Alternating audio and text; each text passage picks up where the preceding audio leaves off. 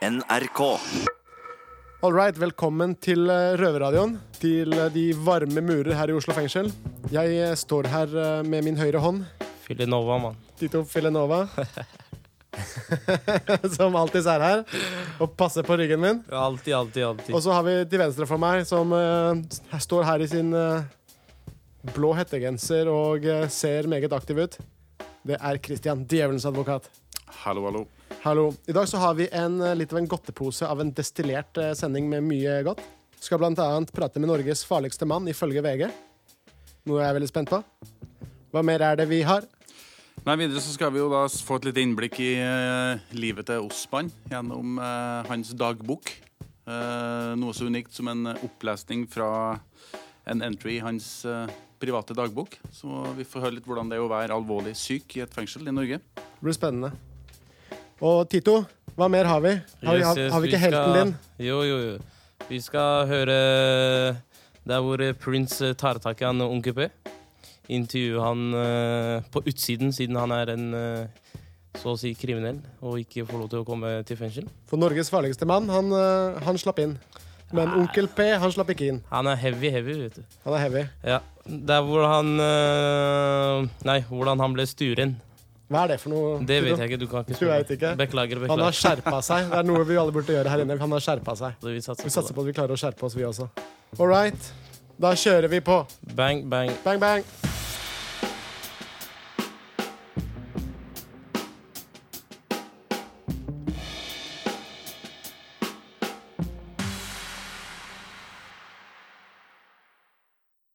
Først ut er, har vi et intervju med Trond Henriksen, som er ifølge VG en av Norges farligste menn.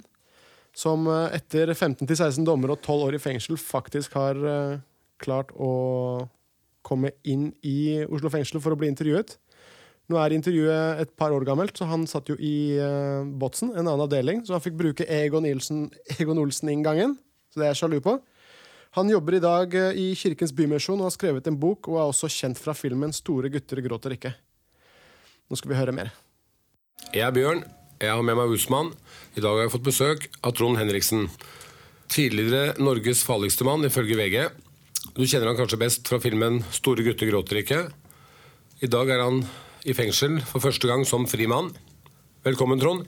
Tusen takk. Men hva i alle dager gjør jeg her i fengselet her? Hvordan er det å være tilbake bak murene som gjest? Du, vet du hva? Jeg skal ærlig innrømme at når jeg gikk opp den der Egon Olsen-inngangen i, i, i dag, eh, så er det lenge siden jeg svetta så mye. For å si det. Jeg ser, du er, ser du er ganske varm. Enda, ja. Er du redd?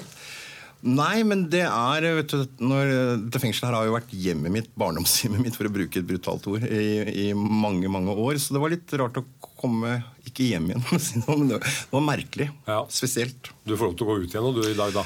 Det er den eneste fordelen jeg har fremfor deg, ja. Ja. Eh, møtte du noen kjente som slapp deg inn? Ja, det gjorde jeg også. En god, gammel førstebetjent som holder koken, tydeligvis. Ja, riktig. Samme som deg, men, men du har bytta karriere. Ja, Han er ikke løslatt ennå, han Nei. førstebetjenten. Nei. Store gutter gråter ikke. Gråter du, Trond? Ja, eh, et godt spørsmål. Det, det gjør jeg jo. Men eh, det, altså, dere har jo sittet mye inne, dere gutta, og dere veit jo at det, det er ikke alltid like lett å bare stå og hylgrine foran kompisen. Det er ofte blir tatt som et, en liten svakhet. Så, men jeg har hatt mine stunder på cella hvor uh, tårene har trilla, jeg òg. Og også hjemme kan jeg gjøre det. Men jeg må være for meg sjæl. Jeg òg gjør det faktisk på cella. Å ja, det var en Hørte dere, gutta? Ja. Myk mann på bunn. Selv om det er veldig dypt, så er jeg myk på bunn. Eh, hvor mange dommer har du, Trond? Ja, jeg tror Det er et godt spørsmål. Jeg tror jeg er domfelt 15-16 ganger. Ja. Hvor mange eh, år har du sittet i fengsel? Eh, litt over tolv år til sammen. Kan du fortelle litt om din kriminelle karriere? Dette blir langt radioprogram, skjønner jeg. Men vi kan korte det litt ned. Eh, Jeg starta veldig ung. Jeg datt ut av skolen og, og havna på Østbanen her i, i Oslo. Og traff da andre ungdommer som datt ut av en eller annen måte, om det var i hjemmet pga. alkohol. Og det var mange grunner til at folk var der. Og der traff jeg mitt store forbilde Frank på 19 år, som eh, var klin gæren. Og sånn starta jeg min eh, karriere i ung alder. Så har det jo bare utarta seg, da. Ja. Drit i skolen og bare finne på faenskap og mye narkotika. I mange år. Mange, mange år. Nå har du vært rusfri en periode. Hvor lenge da? Eh, Nå er det tre og et halvt år siden jeg satt mitt siste skudd med heroin. Trond, det er jo blid å tilbake her nok en gang, i dag som gjest. Jeg har bare et spørsmål. Jeg lurer på hvordan det har vært å være der du er i dag, i forhold til det du har vært igjennom, da. Jeg syns det er veldig hyggelig å være sammen med dere gutta. Og jeg, jeg føler at det er veldig På nett, selv om det er noen år siden jeg sitter, så har vi liksom eh, mye felles, vi som er her. Det å rusle inn porten her, det er ikke den største høydaren denne uka her. Det kan jeg innrømme. Men eh, når jeg først er her inne og vet at jeg kan gå ut igjen, eh, så, så syns jeg det er helt greit. Men det var en veldig stor overgang å komme inn. Merka den. Trond, fortell litt om din ferd fra fengselsradio til fast jobb i Radio Prime Østfold.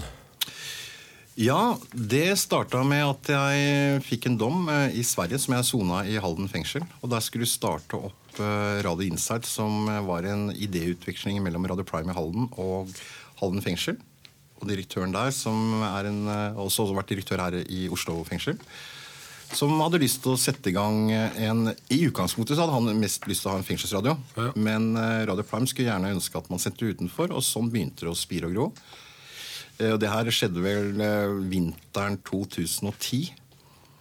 Og på vårparten så begynte vi å sette i gang, starta reduksjon. Og så kom jeg på overgangsboligen, som det heter. Og virrer opp, så hadde jeg jaggu meg jobb gitt i Radio Prime. Hva var var så gøy med radio?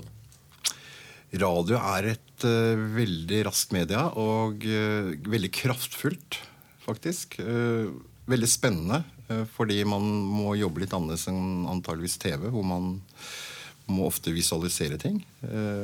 Og så er det det at det er jo ikke en arbeidsdag som er lik, og så møter man usedvanlig mange interessante mennesker. Eh, uansett hvilken område det er innenfor, så plutselig så møter du sånn lite eh, Hva skal jeg si en sånn eh, en, en liten gullklump i hverdagen som du blir bare veldig fascinert over.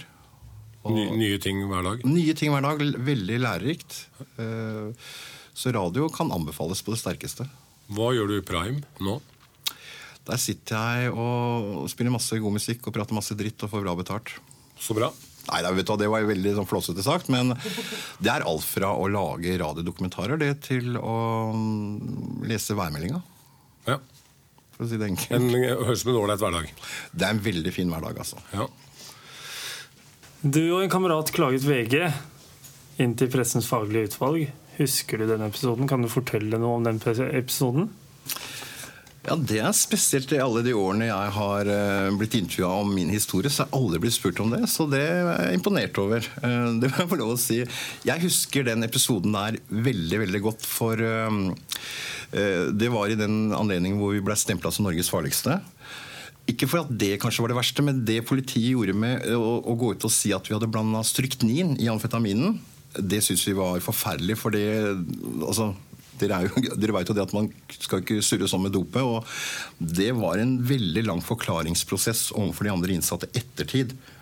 Og dette var jo, Selv om politiet gikk ut og sa det bare noen dager etterpå at det var ikke tilfellet og, og ting, så og det er jo bare en liten notis man får bakerst i avisen. Så den saken husker jeg veldig godt. Var det noen form for Følte du deg stempla på Ullersmo? Jeg følte meg veldig stempla av pressen. Som, eh, altså det med å bli stempla som Norges farligste når du sitter på bunkersen, det gjør jo ikke meg så mye. Jeg sitter jo der innlåst. Men for familien min så var det et helvete. Og det endte opp med at mor og søstera mi måtte flytte fra der vi bodde fordi naboene som jeg hadde handla for som liten, fru Evensen, plutselig hadde fått et helt annet inntrykk av hvem jeg var. Så det blei helt uholdbart for familien min å bo der. Så konsekvensen var veldig store for de. Ikke så veldig for meg, men for de var det det. Ja. Men hvordan er det med familien nå? Nå, er jeg, nå skal jeg rett etter jeg har vært hos dere ned til mor og spise kjøttkaker. Så nå er mor veldig glad. Eh, Og, og det må jeg få lov å si at er det ett menneske jeg har dårlig samvittighet for i livet mitt, så er det jo nettopp mor. Så at hun kan få lov å se meg i den situasjonen jeg er i dag, det er hun usedvanlig takknemlig for. Ja, Det sies å glede andre er den største gleden i seg sjøl, så Ja, det å glede mor er jo Vi sier jo at føttene til moren vår er paradis i vår kultur, da. Så ja, men det skjønner jeg godt. hva tenker du om ansvaret du har fått som fengselsradio i forhold til at innsatte nå har en stemme utad så vel som innad? Hvordan er det å være tilbake bak muren da som gjest her i Oslo fengsel? Ja, Dere er dyktige på spørsmålene. Det har, jeg har ikke tenkt på det. Men eh, altså, jeg blir så glad når jeg sitter her sammen med dere nå og ser at dere får en eh, innholdsrik og litt mer meningsfull tilværelse eh, når man først er fanga. Eh, for meg er jo friheten etter, det viktigste etter selve livet. Og at vi, hvis dere kan nå komme ut og få på en måte de samme mulighetene som jeg har fått, så er jo det den beste rehabiliteringa som fins.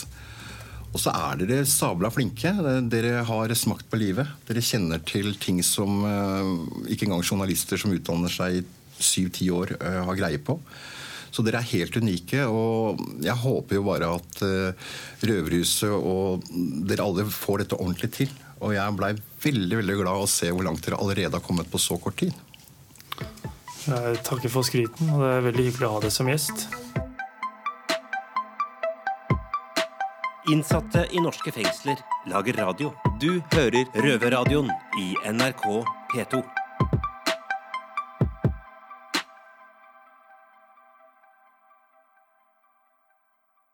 Takk til eh, Bjørnar og Osman som har intervjuet Trond Henriksen. Hvem er det vi har eh, så next, Christian?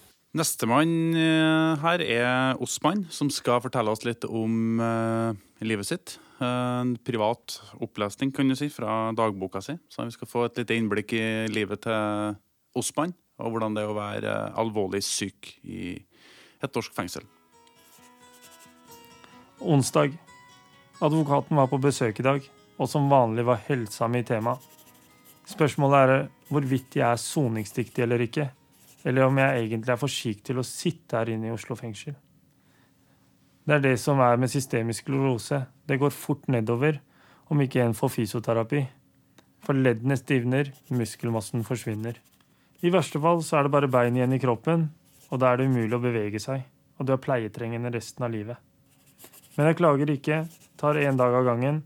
Jeg har Oslos beste advokatkontor, Furuholmen. Morten og jeg har et far og sønn-forhold.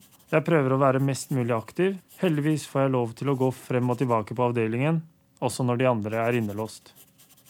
Dette er en lang, bred gang med celler på begge sider. 19 i alt. Jeg sitter på første cella til høyre når du kommer inn på avdeling C2. I midtgangen er det først et bordtennisbord, så er det benker hvor vi spiser. Så er det en liten sofakrok, et biljardbord, og så er det TV-stue rett ved siden av betjentkontoret og kjøkkenet. Jeg går opp og ned time etter time, fra bordtennisbordet ned til kjøkkenet og tilbake. Hvis du ikke tar vare på deg sjøl fysisk og psykisk, så er det slutt. Men jeg prøver å tenke positivt. Mandager og onsdager er jeg på radioen.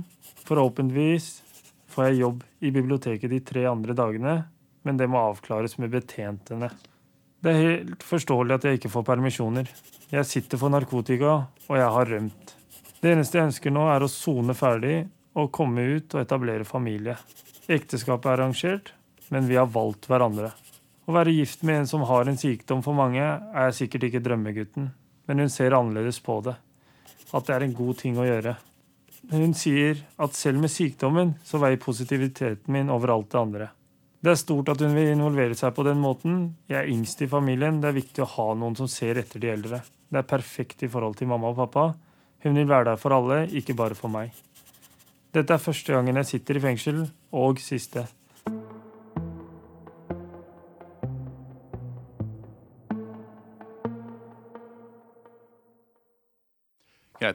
Da takker vi eh, Osman for, sin, eh, for at han delte historien sin eh, om hvordan det er å være syk i fengsel. Han er jo i dag løslatt, og vi håper selvfølgelig at han fortsetter å holde seg på utsida. Og frisk. Og frisk, selvfølgelig også. Da er det over til Tito, og skal høre litt hvordan det går med Onkel P. Det er den norske rapperen Onkel P. Det er hvor uh, røveren vår Prins intervjuer han uh, på utsiden. Dette er et eh, intervju som ble gjort en, for en stund siden. Så dere får høre litt om eh, Onkel B. Shit, onkel. Bare som du har sagt, dette her er jo mitt aller første intervju. Jeg har digga masse av deg, mann. Alle gutta holder det nede med Kast stein par tre, som er en personlig favoritt, fordi kast en stein på en politibil. Ja, nei, det er jo Det er en gammel, gammel variant. Det, det, jeg har ikke pælma så mye stein på politibil, men har, uh, har følt trangen mange mang en gang. Så nei, på den tida da vi prøvde bare å si, si de verste tingene vi kunne komme på Så jeg er også favoritt hos meg òg. Men tilbake til styggen på ryggen. Du har jo blitt utspurt og det lange og det brede om denne teksten. Røverhuset er ikke noe unntak. Jeg veit at du har sagt at, at alle skal gjøre opp sin egen mening rundt låta, men jeg må bare spørre. Det er jo kanskje en beskrivelse om hvordan du har levd livet fram til nå. Hva tenker du om fremtiden? Hva jeg tenker om fremtiden? Det som er nå, så er det, det er, Jeg har aldri sett så lyst på fremtida som jeg gjør nå. Det er jo mange ting som, som spiller inn der, men den låta her, 'Styggen på ryggen' En ting er at det blei sånn svær hit, men uh, det gjorde et eller annet med hvordan folk ser på meg, og sånn at folk snakker til meg helt annerledes. Tilbudene jeg får, er voksne, liksom, så Mm. Akkurat som det vippa, vippa meg og gutta opp i et litt, sånn, et litt annet nivå, da. Som folk tar det seriøst, eksempel. Så dermed så ser jeg plutselig muligheter eh, framover som jeg ikke så tidligere. Ja, Det er fett, da. Endelig det er jo litt mer personlig sang enn f.eks. for eksempel Kjendisparty. ja. Ja. Jo, det er det, ikke sant. Det er, men også på, på, i tillegg til å være det, så er den også, tror jeg, en sånn sang som treffer jævlig bredt. da selv om det er personlig for meg, så kan det bli personlig for, for andre òg. Det er i hvert fall det tilbakemeldingen jeg har fått. da. Mm. Så folk liksom føler at det treffer et eller annet sted. da. På vegne av de andre innsatte så vil jeg si at det er mange av dem som kjenner seg igjen av angst og depresjon og følelsen av å være i helvete. Mm. Og jeg vet at du vil at folk skal tenke, tolke sangen sin selv. Men kan du ikke fortelle meg hva som fikk deg til å gå så dypt? Litt mer eksklusiv for røverne der ute, og ikke minst inne? Nei, altså Hva som fikk meg til å uh, når, når jeg lager låter, så prøver jeg bare egentlig å ta det første som kommer opp i, i huet mitt. Men sånn Dette var jo ganske hektisk periode. Mye drama på privaten. Jeg var, var på lang tur. Mye fyll og diverse. og og en og annen ting man kanskje angra på, og sånne ting. Og kom hjem, og istedenfor å dra rett hjem og konfrontere liksom eh, virkeligheten, så tar vi heller en liten tur i studio da, og på natta, og så blei det til en låt. Og det var, det var egentlig ikke noe tanke bak, men det var sånn, sånn jeg følte meg der og da. Så traff et eller annet der, da. Så. Ikke bare, ikke bare gutta inne, men eh, bestemødre og alt mulig. Så. Skal du fortsette å lage litt mer sånne sanger, eller? Det, ja, altså jeg har, jeg har, alltid prøvd å være litt personlig, men det, har, men det har oftest blitt sånne fleipete ting og sånn som har kommet fram. Så ja, klart det skal Det har jo på en måte gitt meg en slags idé om hvilke retninger burde gå, da. Ja, sangen åpna jo litt, da. Så ja. stilen din er jo liksom kast stein, men ja. Så så jeg har gjort alt det der i alle år også, så jeg føler liksom ja, Fuck it, om jeg så plutselig blitt sånn hele Norges Sitter på TV-programmer og med Bjarne Brøndbo. jeg driter i det, for jeg har gjort alle disse tingene, andre tinga i alle år. Så jeg syns det bare er kult. Jeg blir liksom Synge en ballade og mm. ja. Du har jo selv snakka om det du kaller ulovlig sjangerblanding. Hva mener du med det? Det er sånn altså, musikknerding, da, men sånn når du blander rapp og rock Det har blitt gjort mange ganger. ikke sant? Og spesielt på 90-tallet var det veldig mye og veldig mye dårlig. Så det er, det er bare en håndfull uh, ganger hvor den sjangermiksen har funka. da Men det er også en av grunnene til at vi syns det var kult å gjøre det her. Rap-rock-greiene. For det er liksom Folk sier det ikke kan gjøres, ikke sant? Altså, Jeg syns det er dritfett. Jo, hvis du vet om Nekro er? Ja, ja. Jeg har hørt kjempemye på Nekro, så Ja, ja, Nekro har vel en hel skive også, med bare sånn der eh, trash metal og ja. Ja, nei, men det kan gjøres. Også I dette tilfellet så har vi liksom noen av de feteste musikerne og de artigste folka også, så folk Du får liksom en full pakke, da. En konsertopplevelse. Mm, fett. Ja, nei, så det er jævlig artig, og så er det fett å være mange, da. Ja. Jeg syns det er dritfett, så stå på. Kult. Så. Hvis man ser på hiphop fra andre steder, er jo, er jo mye fokus på krim, sex og ruse seg, og ting kan gå litt over kanten. Mm. Men Norge er jo kanskje litt for Hotell Cæsar for det. Hva tenker du, som Norges store hiphop-sønn, om dette? Er det, er det, å være skækk på scenen mest G å gjøre i dette landet? det er, å være skækk på scenen er ikke så veldig G, ass, men uh, Nei, hva skal jeg si? Jeg- Du kjenner dem, og jeg kjenner dem. Vi veit at det, er, det kan gå hardt for seg i Norge òg. Men spørsmålet er om de gutta som, som virkelig har det tøft, de, de har ikke så mye tid til å rappe, tror jeg. Med mindre kanskje de sitter i botsen da, med studio der. Nei, jeg veit ikke. Det er jo eh, Rappere Vi rapper, skjønner du, mener. vi, er, vi, vi snakker om uh, disse tinga stort sett. Men jeg mener det fins noen, eh, noen G's altså, som rapper i Norge òg. Men stort sett er det snille, trivelige karer. Ja. Det går rykter om at du skylder noen penger i fengselet, og noen kompiser av meg som sitter inne, spør meg når vi snakker om deg. Hvor er kompis? Hvor er kompis? Hvem er det som jeg skylder penger? Nei, det vet ikke jeg. Det er bare rykter og rykter. Overalt. Jeg tror jeg har gjort opp all narkogjelda mi. ass. Om ryktene stemmer eller ikke, har du noe du føler du har lyst til å si til dem? Til dem jeg skylder penger? det, er, nei, det, er, det kan jo godt hende dem har rett, men eh, jeg, tror, jeg skulle tro at det egentlig var eh, square med de fleste gutta. Men hvis ikke, så er det ikke så vanskelig å finne. Så at eh, du får heller komme, så gjør vi opp. Hva slags eventuelle fordeler er det å ha et kjent tryne når man snakker om såkalt alternativ gjeld?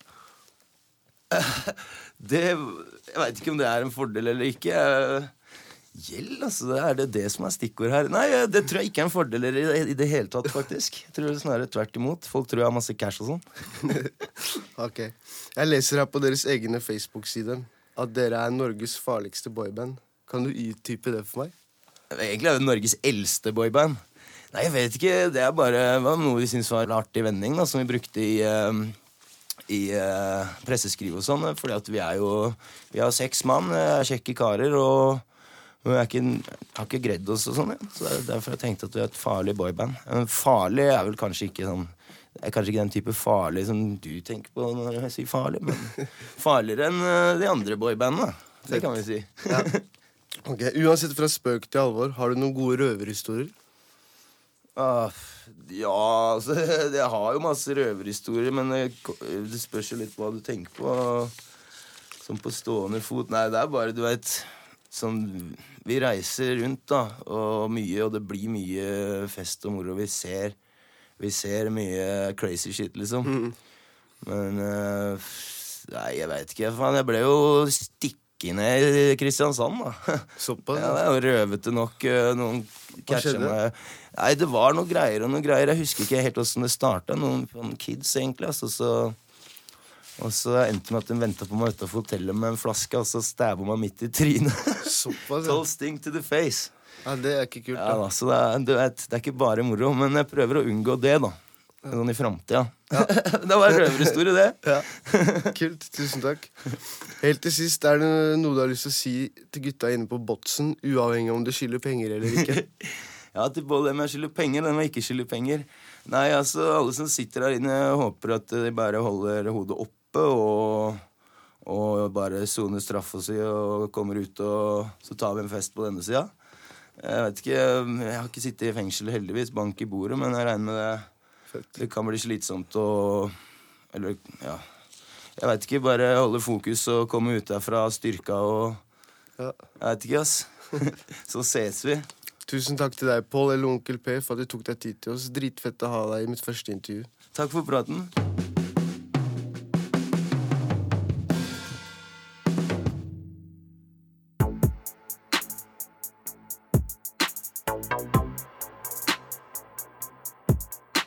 Sendinga er dessverre over eh, for nå. Hva, hva syns du, Kristian? Nei, jeg syns eh, det var veldig bra. Mye sterke historier. Mm.